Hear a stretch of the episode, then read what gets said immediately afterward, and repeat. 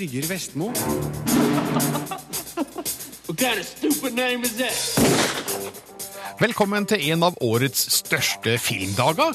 Tradisjon tro er første juledag en viktig premieredag på kino. I år med hele ti splitter nye filmer på plakaten.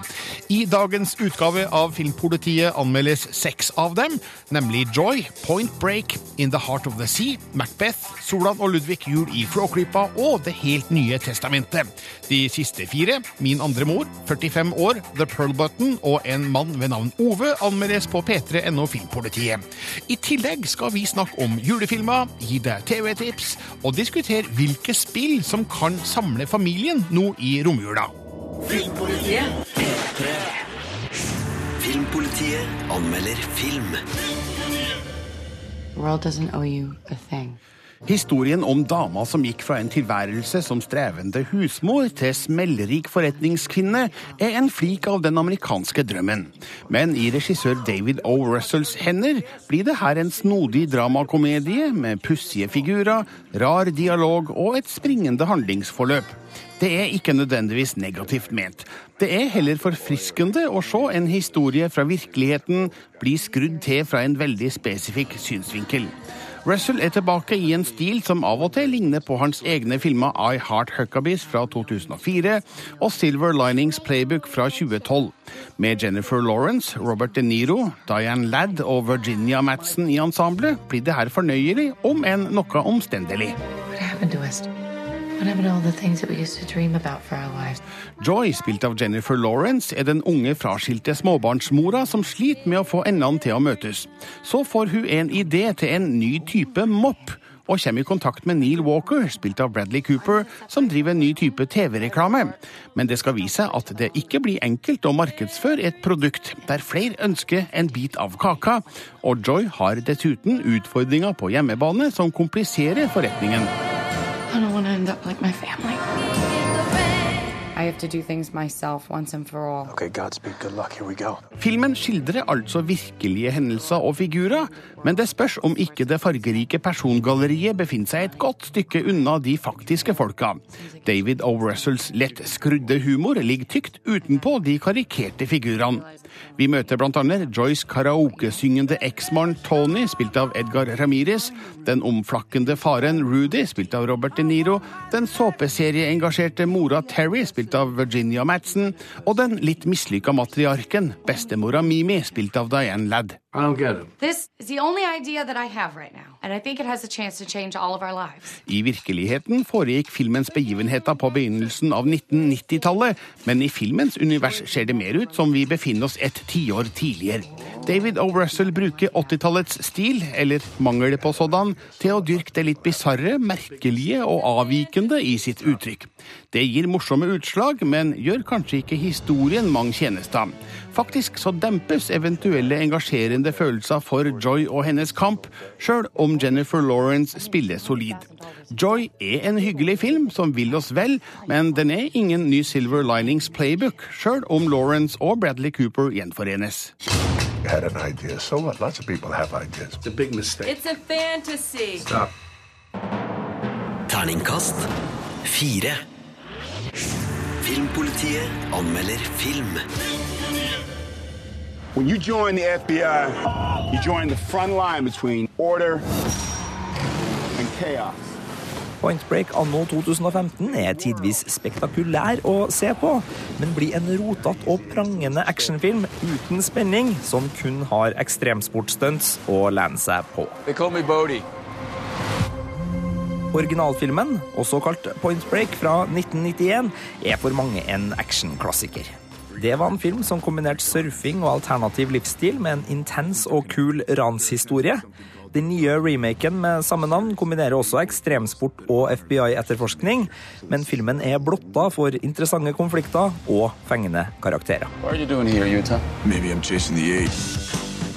Den tidligere idrettsstjerna Johnny Utah forlater rampelyset etter en tragisk motocrossulykke og sikter seg inn på en karriere i FBI. Da han oppdager at en rekke spektakulære ran ser ut til å være utført av særdeles vågale ekstremsportutøvere, så får han overbevist sjefen om å gå undercover i miljøet. I believe that, like me, the people behind these robberies are extreme athletes, using their skills to disrupt the international financial markets. En av de store styrkene til originalfilmen er at vi får forståelse for surfeskurkene. Vi skjønner hvor de kommer fra, og vi heier litt på begge lag. I denne versjonen er det ikke lett å utvikle tette bånd til ransgjengen. Motivasjonen deres er en samling av åtte styrkeprøver, men de her roter sammen til en dramaturgisk hengemyr som filmen aldri kommer seg ut av.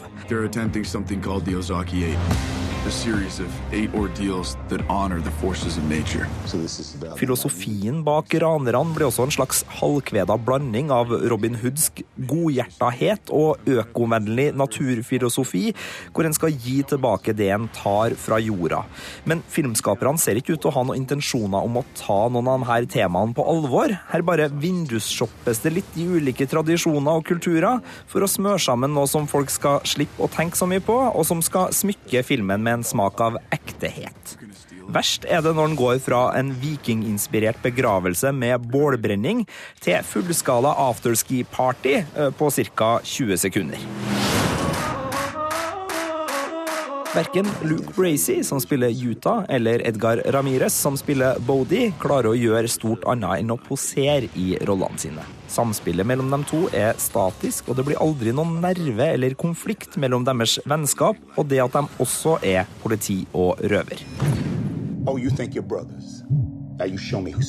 Tobias Santelmann er også med her. Han får ikke all verdens skjermtid, men får likevel en av filmens bedre replikker, og gjør en helt grei figur som den reale fyren Chowder. Sjøl om Point Break både har sine kule øyeblikk, og det er fullt mulig å le med på både noen av stereotypiene og ikke minst replikkene, så blir det her en trist versjon av en gammel actionfavoritt. Bodie, do you have any idea how many people you've killed? How many laws you've broken? The only law that matters is gravity. Terningkast to. Dette er Filmpolitiet. Filmpolitiet På P3. Det fins mange filmer som er laga for å gi oss den ultimate julestemninga. Jeg har plukka ut mine favoritter, og jeg understreker at de er mine. Det fins jo flere årsaker til hvorfor en julefilm blir en favoritt. Det har selvsagt med kvaliteten å gjøre, men òg i hvilken sammenheng de ble sett, hvilken sinnsstemning man var i, hvordan været var den dagen, osv. Så, videre. så her er de fem filmene jeg mener er tidenes beste julefilmer.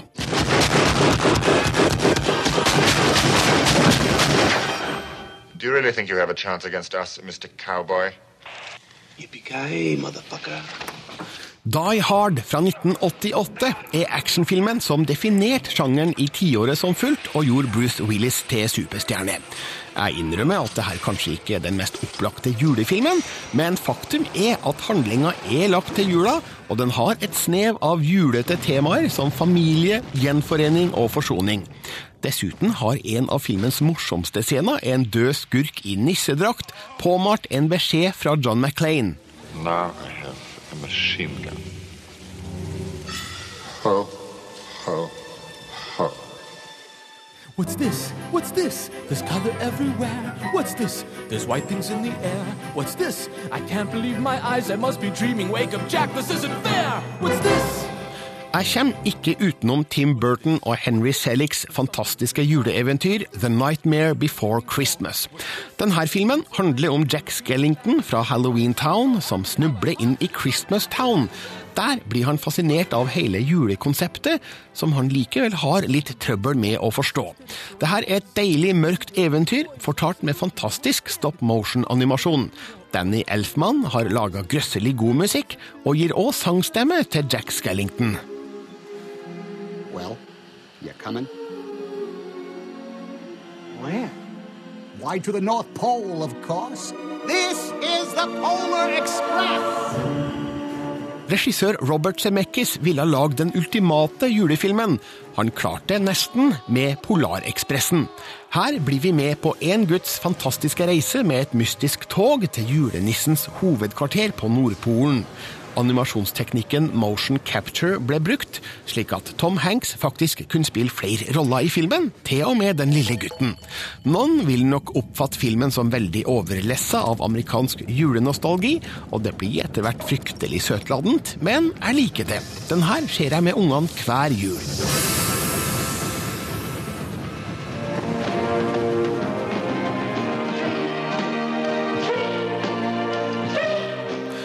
Handlinga i Med Grim og Gru har ingenting med jula å gjøre, men den ble vist på NRK i jula da jeg var liten, og ble siden automatisk regna som julefilm. Dette er en rumensk-russisk-fransk koproduksjon, filma med bl.a. medlemmer av Bolsjoj-balletten i Moskva. Den ble innspilt simultant på tre språk, rumensk, russisk og engelsk. Dette er et flott filmeventyr med nydelig musikk. Nostalgien strømmer på hver gang jeg ser den. Kun den russiske versjonen av Med Grim og Gru er tilgjengelig på DVD per i dag, under originaltittelen Mama, men du kan når som helst se filmen i NRKs nett-TV på nrk.no. Er det ikke tante Pose i egen person? Kan du la være å skrike slik? Gå vekk med deg! Du bare bavian! Det her er lyd fra min favorittjulefilm, Tante Pose. En erkenorsk filmfarse basert på en historie av Gabriel Scott, regissert av Leif Sinding i 1940. Under julefeiring hos sorenskriver Bals blir det intriga når to av husets døtre blir hemmelig forlova med to besøkende studenter, samtidig som huset får julebesøk av den bistre tanta, Blanka Bals, spilt av Henny Skjønberg, som går under navnet Tante Pose. Jeg syns det her er en fantastisk koselig film med ekstremt julete stemning, til tross for at mesteparten er innspilt i Norsk Films studio på Jar. Tante Pose må jeg se hver jul, ellers blir det ikke jul. Guds død, kneppkakene. Kneppkakene menneske. Du har vel aldri understått deg til å røre kneppkakene også? Vil du la være å sikte på meg med de motbydelige pistolene? Ditt utyske! Filmpolitiet på P3. I sted hørte du mine fem julefilmfavoritter, men er det her den definitive lista fra Filmpolitiet? Nei, for verken Sigurd eller Marte var med på utforminga av den lista, og jeg vet ikke hvor fornøyde dere egentlig er. Eh, Du, altså, det er jo ikke noe dårlige julefilmer på den lista di, Birger. Nei, det er jo ikke det. Men det fins jo bedre julefilmer også. Nei, og det går ikke an. Ikke minst så, så er jo fem altfor få. Ja, Altså, ja det er jo ikke nok julefilmer på den, eh, den topp femmen. Nei, altså lista på, på nett, hvis man søker etter topp ti julefilm på P3.no Filmpolitiet, den er, den er på ti filmer, altså. Ja. Men uh, hva mener du, Marte? Er det filmer som burde ha vært med på topp fem? Ja, altså, jeg mener jo at Love Actually bør på topp fem. Altså, jeg må se Love Actually hver lille julaften hvert år. Det er tradisjon. Eh, hvis ikke er det helt krise. Det er en så koselig film! Bare den der liksom sånn Alle de forskjellige små variasjonene av kjærleik i verden. Det er drittrivelig. ja, den eh, burde kanskje ha vært med. Den er med på topp ti, da, Ja, men den var ikke med på topp fem. Sigurd, har du noe Jeg er litt klissete den, da.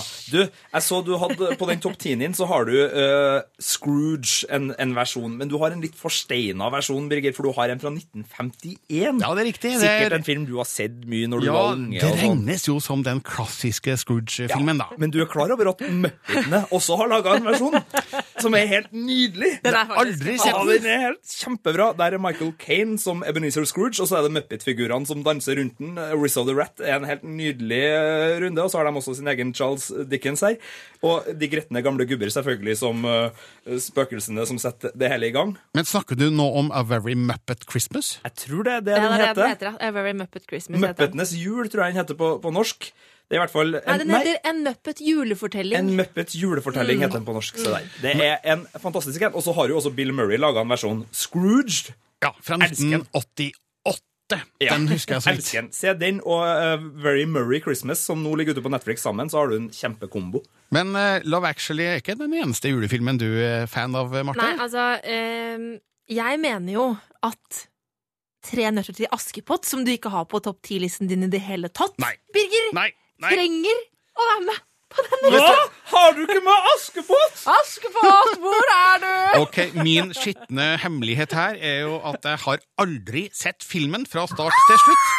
Nei, men det har med å gjøre med, altså, Tradisjonen vår på julaften, Marte, det er å springe rundt som forskremte høns for å komme i mål med alt som ikke er ferdig til julaften. Ja, jeg skjønner Du kan jo se en når som helst ellers. Ja, men det er jo jo feil. masse juledager. Det er jo feil å se se noe annet tidspunkt enn 14., Nå snakker du i munnen på meg!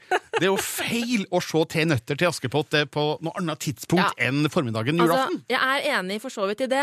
Da jeg var liten, så hadde vi tatt opp eh, den filmen på VHS eh, av en eller annen grunn, og så fikk jeg beskjed av mamma at den får du ikke lov å se. Ok. Jeg vet ikke hvorfor vi hadde den på opptak, men det var hvert en sånn veldig sånn Jeg så den i skjul eh, ellers sånn når som helst i året. Det er en, det er en kjempetrivelig film. Men- du må få tid Ja, men til du, det skal sies at TV-en. TV står alltid på, Ja, så jeg hører jo stemmen til Knut Risan når jeg springer frem og tilbake. Ja, så den, den, har, den har sin plass i min uh, julaftentradisjon òg, men eh, ikke sittende i sofaen og glad på TV-ruta. Altså. skjønner. Jeg er rystet, Birger Vestmo. Jeg Jeg er er også litt rystet.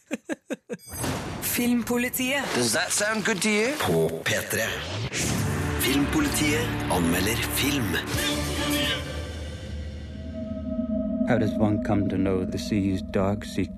Regissør Ron Howard gir oss et godt, men ujevnt sjøfartsdrama i In the Heart of the Sea. Rent visuelt er filmen lekkert utført, sjøl om mye ser svært kunstig ut.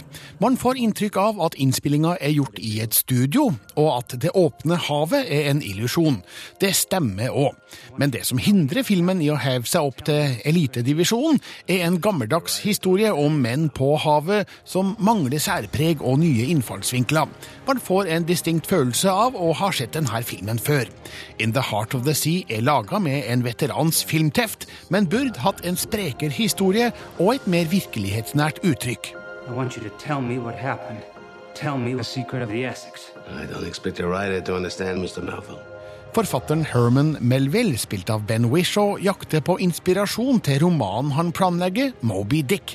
Han reiser til Nantucket på USAs østkyst for å snakke med Thomas Nickerson, spilt av Brendan Gleeson, den siste gjenlevende fra hvalfangerskuta Essex, som i 1820 reiste på en skjebnesvanger ekspedisjon til Stillehavet.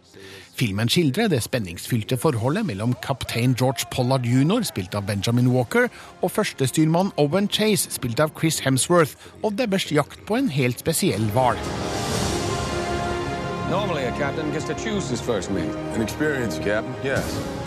Essex-ekspedisjonen skjedde virkelig i 1820, og Thomas Nickerson skrev ned sine opplevelser som dekksgutt.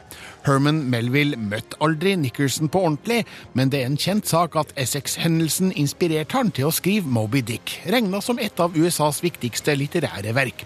Men akkurat denne delen av filmen er faktisk ganske lite spennende. Jeg tror filmen ville ha vært strammer om regissør Howard hadde kutta ut hele Moby Dick-aspektet, og fokusert sterkere på forholdet mellom kaptein og førstestyrmannen, uten alle disse avbrytelsene. Spenninga mellom Pollard og Chase blir bare mild, og burde vært skrudd til flere hakk. The men needed testing. So you send them into a storm? That was unlucky. No, it was bad seamanship. Sekvensene fra Essex har mye god gammeldags spenning i seg. Scenene der hvalfangerne setter ut i småbåter fra skuta for å drepe hval med håndholdte harpuner, er godt filma både over og under vann. Dagliglivet om bord er skildra som en barsk tilværelse blant et hardhuda mannskap, og deres strabaser gjør et visst inntrykk, men minner litt for mye om andre filmer om havsnød. Centuries before, sailors feared sailing off the edge of the earth. Det som taler imot In the Heart of the Sea, er at Ron Howard har valgt et visuelt uttrykk som får alt til å virke litt kunstig. Kanskje var det vanskelig å unngå, all den tid det åpenbart måtte brukes mange effekter for å skildre kampen mellom båt og hval, men fargepaletten er en smule overdrevet. Sjøl havet har et oransje skjær over seg. Jeg hadde foretrukket et mer virkelighetstro uttrykk, men Ron Howard er en dreven regissør, så jeg ble tilfredsstillende underholdt, sjøl om det kan stilles noen spørsmål både ved historien og den visuelle innpakninga. So it's true. Yes. Too much is true. Terningkast tre. Filmpolitiet anmelder film. All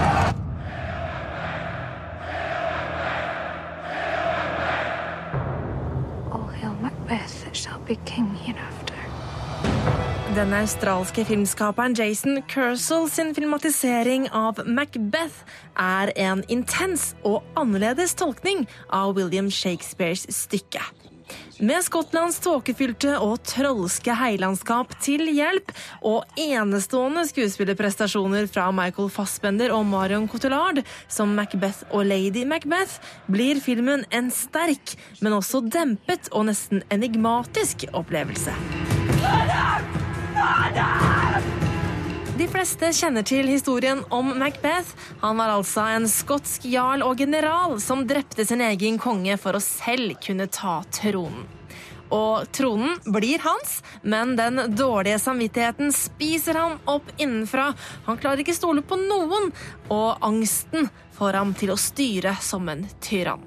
Come, you spirits that tend on mortal thoughts. Hail King that shall be. Kersel og manusforfatterne har tatt seg friheter i sin adapsjon av stykket. Hendelser som kun blir gjenfortalt av Shakespeare spilles ut i filmen, mens andre scener er kuttet eller flytta. Det er fortsatt Shakespeares dialog skuespillerne fremfører, og det gir filmen unektelig et preg av teater. Eh, Det er ikke alltid teater fungerer på film, men Michael Fassbender og Marion Cotillard leverer så sterkt at jeg blir fullstendig grepet av dramatikken. Macbeth shall never vanquished be. Kersels versjon av Macbeth er den mest skitne og blodigste, kanskje mest realistiske og også mest skotske varianten av Macbeth jeg har sett. Og den er den mest visuelt slående. Regissøren har en evne til å få de mest groteske handlinger til å se vakre ut på lerretet, og sammen med filmfotograf Adam Arkapaw bruker han tåke, ild og regn til å skape fantastiske bilder og en helt spesiell atmosfære. Det blir smurt ganske tykt på. For tykt vil sikkert noen mene, men jeg syns den heftige visuelle stilen kler den brutale historien. Noen Shakespeare-purister vil nok rynke på nesa over hva Kersel har gjort med Macbeth. Jeg tror at både historiens forandringer og filmens visuelle stil vil være enten elsk eller hat for mange. Men for min del var dette en av de mest interessante versjonene jeg har sett av stykket. I am in blood. Stepped in so far.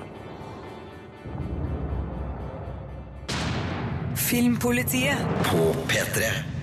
Hittil i dagens Filmpoliti har det handla mye om film på kino, men nå skal vi snakke litt om film på TV, for eh, jula er jo høytid for eh, film på fjernsyn. Og Sigurd og Marte er her for å, mm, sammen med meg, gi deg de optimale, ultimate TV-tipsa for romjula 2015. Skal vi starte med deg da, Sigurd? Ja, eh, det her er kanskje ikke så julete for alle, men jeg er veldig glad i stoner-komedier, så jeg vil gi en eh, tommel opp til A Very Harold and Coomer Christmas, som går på eh, TV2 Humor 21.30 i kveld. Det er jo selvfølgelig da akkurat som de andre Harold and Kumar-filmene, det her. Det er to stonere, kompiser, som skal gjøre noe spesielt. Skal ikke avsløre for mye av plottet her. Kan vi si at Neil Patrick Harris dukker opp igjen? Ja, du kan si det. Ja, kan si det. Det er kjempeartig. Så hvis du er svak for sjangeren, to tomler opp der. Så nevnte jo tidligere i sendinga en Muppet julefortelling, som er min favorittversjon av eh, Charles Dickens Scrooge-historie. Den går på TV2 15.05 i dag, så sjekk ut den. Og så er det en film som jeg sjøl skal sjekke ut, som jeg ikke har sett siden jeg var unge, men som jeg gleder meg til. Og det er en James Bond-film som er forholdsvis relevant i disse spektertider. For Ja. det er Aldri si aldri med Sean Connery som Bond, hvor han er ute og kjemper mot uh, Spekter-organisasjonen. Eller eh, kaller man det en organisasjon? Jeg har ikke fått sett Spekter ennå. Nei, man kan nevne det. Ok, Det er lov. kjempefint. Så den går på TV Norge 22.15 i morgen. Jeg husker jeg så den på kino, og øh, det eneste jeg minnes egentlig, er at Sean Connery brukte tupé. Så jeg skal glede meg til å se det her. Det har jeg aldri lagt merke til. Nei, men da kan, du, da kan du se Oi, oi, filmen i morgen. Så, Ja, det skal jeg gjøre da. Men siden du har åpna munnen her nå, Marte, har du også TV-tips? Ja, det har du, for det vet jeg at du har. Ja, jeg selvfølgelig. Eh, Og da må jeg bare få begynne med Polarekspressen. Den går i ettermiddag eh, 16.50 på TV 2. Og det er jo en nydelig animasjonsfilm om eh, hvordan man skal på en måte beholde trua på julenissen. Åh, jeg blir bare, den er nydelig. Den må, hvis dere ikke har sett den, du som hører på, sett av tid til den. Eh, Den er verdt å se.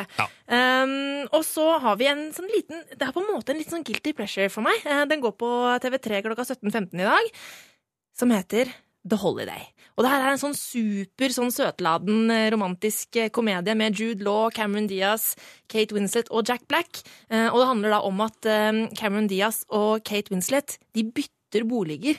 Eh, Hun, altså eh, Cameron Diaz bor i LA, eh, Kate Winslet bor i et sånn søt liten sånn village i Storbritannia. Og så forelsker de seg selvfølgelig på hver sin kant. Veldig koselig julefilm. Eh, og så er jeg jo en liten sucker for Disney-film, da, så jeg må bare få anbefale på Disney Challenge i morgen klokka halv tolv på dagen. Ta deg tida til å se Sverd isteden. Det er jo ikke en sånn rein julefilm, egentlig, men det er en film jeg må se hver jul. Bra tips. Veldig mye julefilm fra begge dere to. Jeg har ingen julefilmer på min liste. Ikke en eneste en. Nei, så Den første er veldig forbundet med jul, da, nemlig Flåklypa Grand Prix, som går på TV2 i kveld klokka 19.30. Dra meg baklengs inn i Men det er en film som eh, står seg veldig godt. 40 år etter at den ble laga, og ja, et hjertelig gjensyn. Mm. Og så kan man bruke det som eh, ja, vorspiel hvis man skal ut i romjula og se Solan og Ludvig herfra til Flåklypa, som også anbefales varmt. Eh, I morgen så viser NRK2 en av mine favorittfilmer, faktisk, og det er den fabelaktige Amelie fra Montmartre. Åh, den er nydelig. Fantastisk søt, sjarmerende, rørende film med et helt spesielt filmspråk fra regissør Jean-Pierre Junet. Du må bare bli sånn romantisk inni deg da, av å se Mm. den fabelaktige Amelie. Og så mitt siste tips, det er egentlig to filmer, da, som eh, den litt mystiske kanalen TV2 Livsstil eh, viser andre juledag klokka 16.45.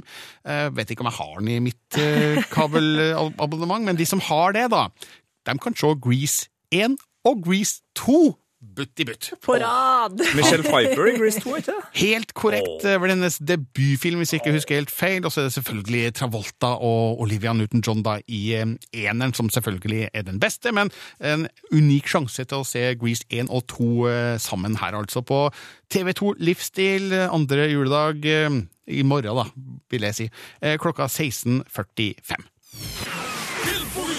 Filmpolitiet På P3. Filmpolitiet anmelder film.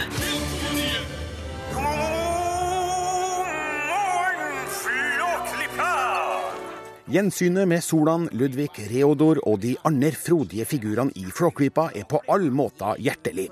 Dette er et univers jeg trives overmåte godt i.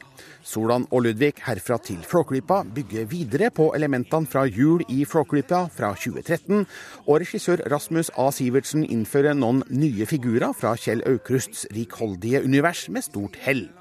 Det vil si, hell har nok ingenting med filmens kvaliteter å gjøre.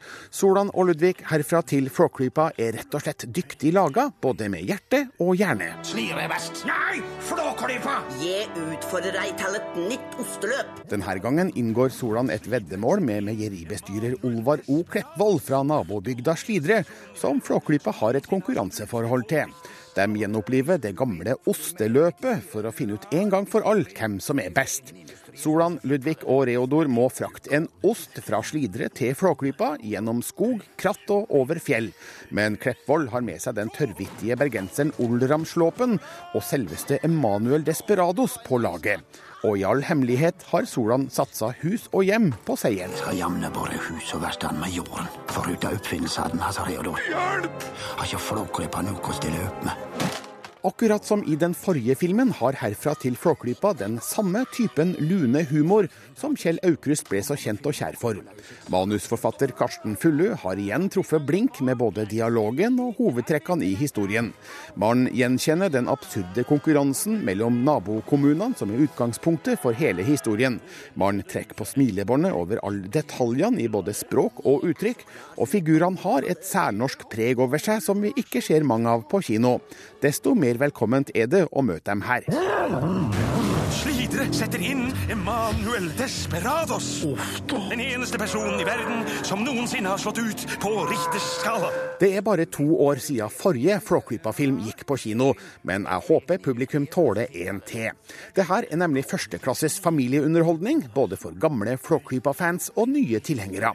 Som i den forrige kan voksne kose seg med en god dose nostalgi, mens de unge blir underholdt i et akkurat passende tempo. Hadde her vært en amerikansk animasjonsfilm, ville farten sannsynligvis vært skrudd opp mange hakk. Her rekker både figurer og handling sette seg skikkelig, og tar seg til og med noen brukbare pustepauser underveis, uten at det på noen måter er rom for kjedsomhet. Solan og Ludvig herfra til Flåklypa kommer til å bli en ny suksess, og det vil være fullt fortjent. Klare? Jeg er så klar som jeg aldri har vært. Jeg har aldri vært så lite klar. Terningkast fem. Filmpolitiet anmelder film. Det å lage komedie om religion er en øvelse som vekker sterke følelser hos mange, men eh, som på sitt beste kan være ustyrtelig morsomt. Belgiske Det helt nye testamentet byr på flere magiske øyeblikk, men prøver å være litt for morsom litt for ofte, ifølge Sigurd Vik. Dieu existe. Il habite à Bruxelles. Unge Pili Groin storspiller som Jesus' lillesøster Ea i denne tidvis vakre og riktig så sjarmerende belgiske komedien. Hun unngår anstrengt veslevoksenhet og er en naturlig og god guide i det vi loses gjennom et knippe lett melankolske, men livsglade skjebner. Filmen viser et godt øye for det herlig absurde, noe som gir oss flere treffende situasjoner og noen smått magiske øyeblikk. Men det her er en ujevn produksjon, som tidvis sliter med sin egen trang til å være snedig hele tida, og som ikke klarer å få spesielt god dreis på Gud som figur. I Det helt nye testamentet bor Gud i Brussel. Han er en ufyselig fyr som rusler rundt i slåbrok og gjør livet surt for både kone og datter.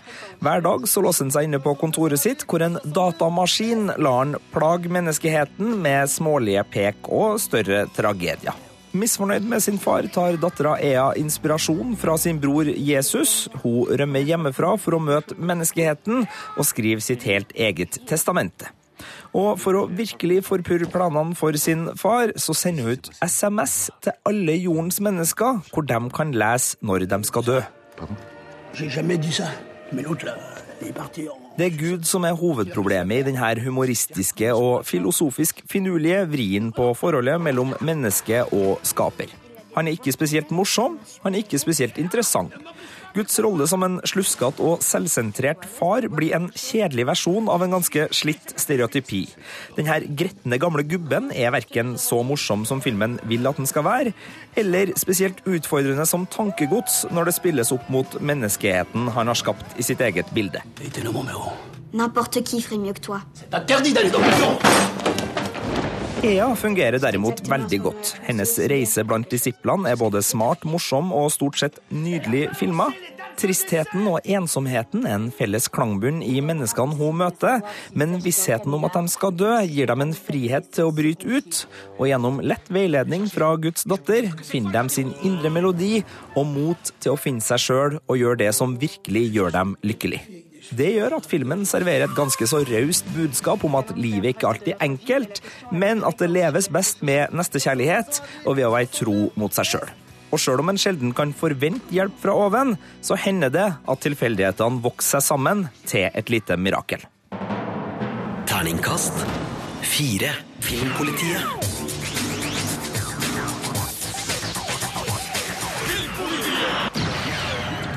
Nå i romjula er jo mange familier samla, og et eller annet må man jo finne på, da, og her kan vi komme med gode tips. Hvilke spill kan samle familien på best mulig måte på tvers av generasjonene? Marte, hvilket eh, tips vil du komme med da? Altså, jeg må bare få anbefale Splatoon, eh, som er eh, et, noe så sjelden som et barnevennlig skytespill. Her skal du male spillbrettene med maling, der du skyter altså med en sånn paintgun-aktig greie. Og det er kjempegøy. Eh, Og du, du kan spille eh, lokal eh, flerspiller, da, hvor det er én mot én. Så her kan man virkelig på en måte samle folk i stua. Og det er morsomt å se på også, så man kan liksom spille to av gangen og så bytte litt på. Um, og det her er noe som er veldig morsomt for både voksne og for barn. For bestemor òg, liksom? Det, kanskje bestemor Kommer an på bestemora si. Altså, ja, det, det kommer an på bestemora. For det kan hende at det går litt fort. Altså, det er litt sånn høyt tempo her. Eh, Så det kan hende bestemor blir litt stressa, men jeg tror kanskje hun syns det er morsomt også. Ja, kanskje hun liker å se på. Det tror jeg nok hun absolutt Hørtes feil ut. oi, oi, oi. Sigurd Vik. Bilspill er artig, Birger. Det er vi enige om. Fotballspill er også artig. Det, er vi, er det, ja, det hadde vi vært enige om hvis du spilte mer fotballspill. eh, kombinasjonen er jo uh, upåklagelig. Eh, Rocket League kom tidligere i år og er kjempeartig. Du er bil eh, på en slags fotballbane, et slags burfotballbane, og du skal få en ball i målet til motstanderen. Og så kan du spille, med, spille mot en kompis, eller dere kan være fire stykker som spiller i lag, og kan spille på lag. Det er kjempeartig. Det er, jeg syns det er utrolig vanskelig. Jeg er skikkelig, skikkelig, skikkelig dårlig i det her. Jeg hopper feil når jeg skal være på bakken, og jeg har tydeligvis ikke dybdesyn nok til å fungere ordentlig på den eh, banen her. Men det spiller ikke noen rolle. Det er kjempeartig. Og uh, som sagt, eh, det er, du har den her fotballvibben med at du, du, skal ha den i målet, så du får den gleden eh, der når du scorer. Og så er det jo bilspill ellers som er kjempeartig, og så er det jo bare selvfølgelig å krasje inni alt og hoppe og styre og opp etter veggene og ja, i det hele tatt. Rocket League, kjempeartig. Hørtes ut som en bra kombo, da. Bil og fotball.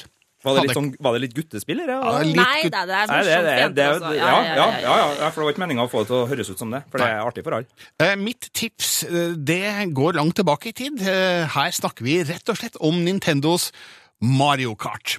Nå finnes det jo åtte ulike Mario Kart-spill, hvorav det siste kom i mai i fjor og fikk terningkast seks av eh, Filmpolitiets Rune Håkonsen. Eh, Min erfaring er fra det aller, aller første Mario Kart-spillet, og jeg husker ikke hvilket år det var, men det er lenge siden. Men det er såpass morsomt og intuitivt at ja, selv bestemora Ja, kan faktisk sette, sette ned og, og forstå hva man skal gjøre her. For det, ja, det er gass og brems, er det ikke det? Jo, det er stort sett det. Og så er det alle disse kjempegøyale hjelpemidlene man kan sette ut for å ødelegge for de andre. Det er jo det morsomste av alt. Og man kan spille flere sammen, og det er full tjohei i stua, og stort engasjement når Mario Kart settes på, så det tror jeg kanskje er mitt stalltips, altså, til de som trenger et spill som samler hele slekta. Når du sa det her, så driver jeg og ramla av den trebanen i første Super Mario igjen. Når du, Super Mario Kart. Den, den var helt forferdelig. Jeg, rett utfor stupet. Men det var våre tips. Det var Splatoon. Og det var Rocket League. Og det er Mario Kart 1 til 8. Men så vet vi hva de blir sittende med. Det er Ludo. Merry Christmas, you filthy animal.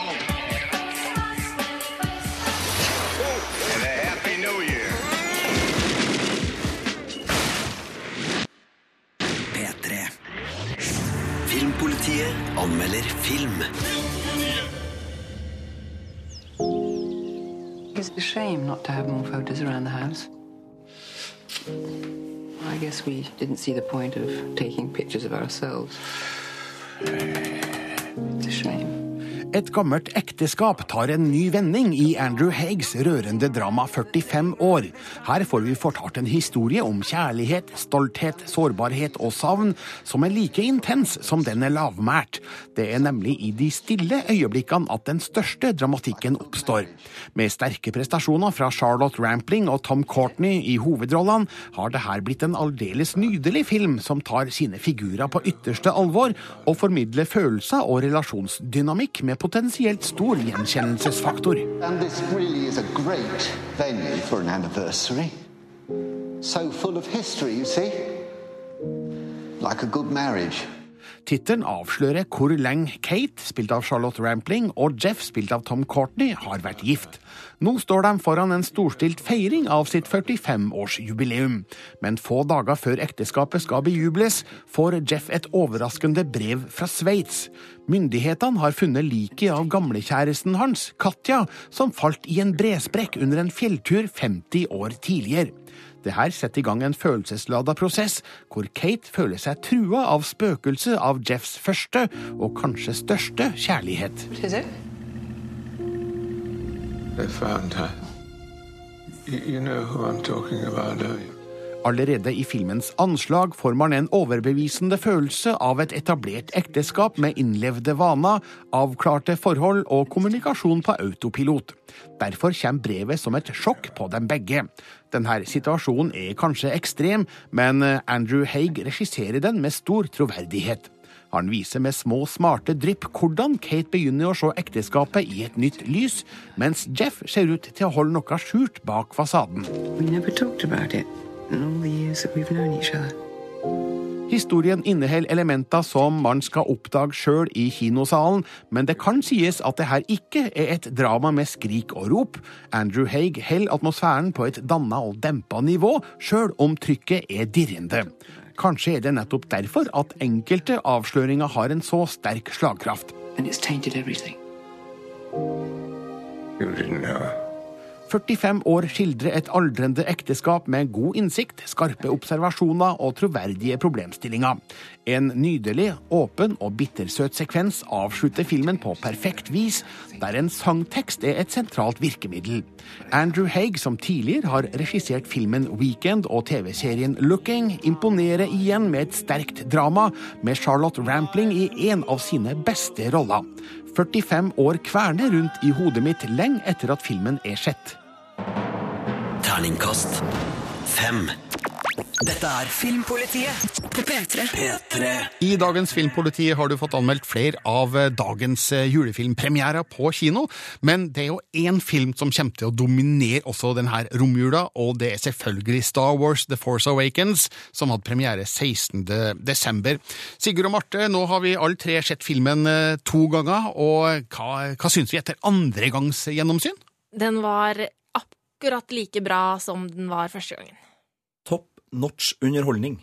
Det syns også amerikanerne, som eh, går mannen av huset for å se filmen og setter nye rekorder der. Det er også veldig god inntjening, da, som betyr høyt besøk resten av verden. Og analytikere tror nå at Star Wars The Force Awakens kan joine Avatar og Titanic i den såkalte to milliarder dollar-klubben. Og ja, det betyr at filmen er en suksess. Det er vilt mye penger, ass! Vilt mye penger. Men hva er vår dom over, eller rettere sagt, hva er min dom over Star Wars The Force Awakens? Den skal du straks få et gjenhør med. There has been an awakening. Have you felt it? Denne anmeldelsen er fri for avsløringer. Faktisk vil jeg nesten ikke si noe om hva Star Wars The Force Awakens handler om. Det er overraskelsene, oppdagelsene og vendingene som gjør denne historien til en av seriens beste. Regissør JJ Abrams har gitt oss en Star Wars-film som er bedre enn det verden anno 2015 kanskje fortjener. Det her er en spektakulær, frisk start som setter prequel-filmene fra 1999 til 2005 i skammekroken, men står skulder til skulder med de originale. Mitt filmhjerte banker av fryd og glede over at en av verdens beste filmserier er tilbake på nivået der den hører hjem, nemlig på den absolutte toppen. Det her er Star Wars-filmen jeg har drømt om, og litt til. Fra smakebitene vi har sett i den massive lanseringskampanjen, vet vi at historien plukker opp tråden ca. 30 år etter hendelsene i Jedi-ridderen vender tilbake. Vi møter bl.a. skrapjegeren Ray, spilt av Daisy Ridley, stormtrooperen Finn, spilt av John Boyega, og X-Wing-piloten Poe Dameron, spilt av Oscar Isaac. Skjebnen fører dem ut på et farlig eventyr gjennom verdensrommet, der Kylo Ren, spilt av Adam Driver, er en truende kraft. Noen gamle kjente blandes òg inn i begivenhetene, og vi får mer enn nok av både høy dramatikk, store følelser og eksplosiv sci-fi action.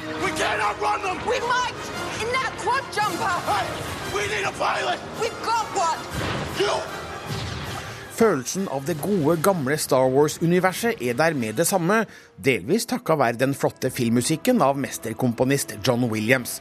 JJ Abrams fører et modernisert filmspråk, men tar i bruk mange av de samme virkemidlene som George Lucas satte standarden for i den første Star Wars-filmen i 1977.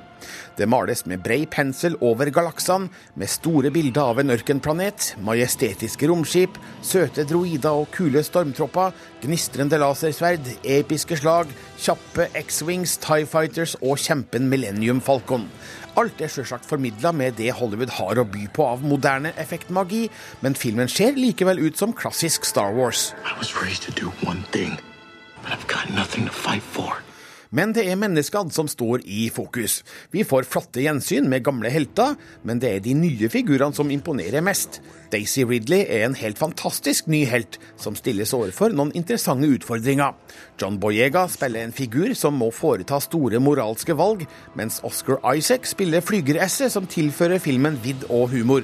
Og så er det helt utrolig å se samspillet mellom de menneskelige figurene og den lille robotkula BB8, som er forbausende uttrykksfull og blir en umiddelbar maskotfavoritt på linje med C3PO og R2D2. Where do you come from? I know all about waiting. For my family. Det fins sider ved historien der man kan påpeke at fremdrifta avhenger av en rekke fantastiske tilfeldigheter og sammentreff. Men det her er helt i tråd med det etablerte Star Wars-universet, og jeg godtar alt det har å vise meg. Filmen gir og gir stadig vekk, der det ene høydepunktet avløser det andre, samtidig som det fortelles en historie som inviterer til engasjement. Jeg var mektig imponert over hvordan JJ Abrams gjenoppliva Star Trek-serien i 2009. Nå har han gjort det samme med Star Wars, bare enda bedre. It's true.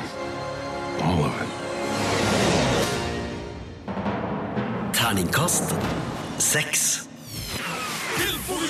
Filmpolitiet På P3. Les mer om film, spill og serier på p3.no Filmpolitiet. Filmpolitiet hver fredag fra 11 til 1 på P3.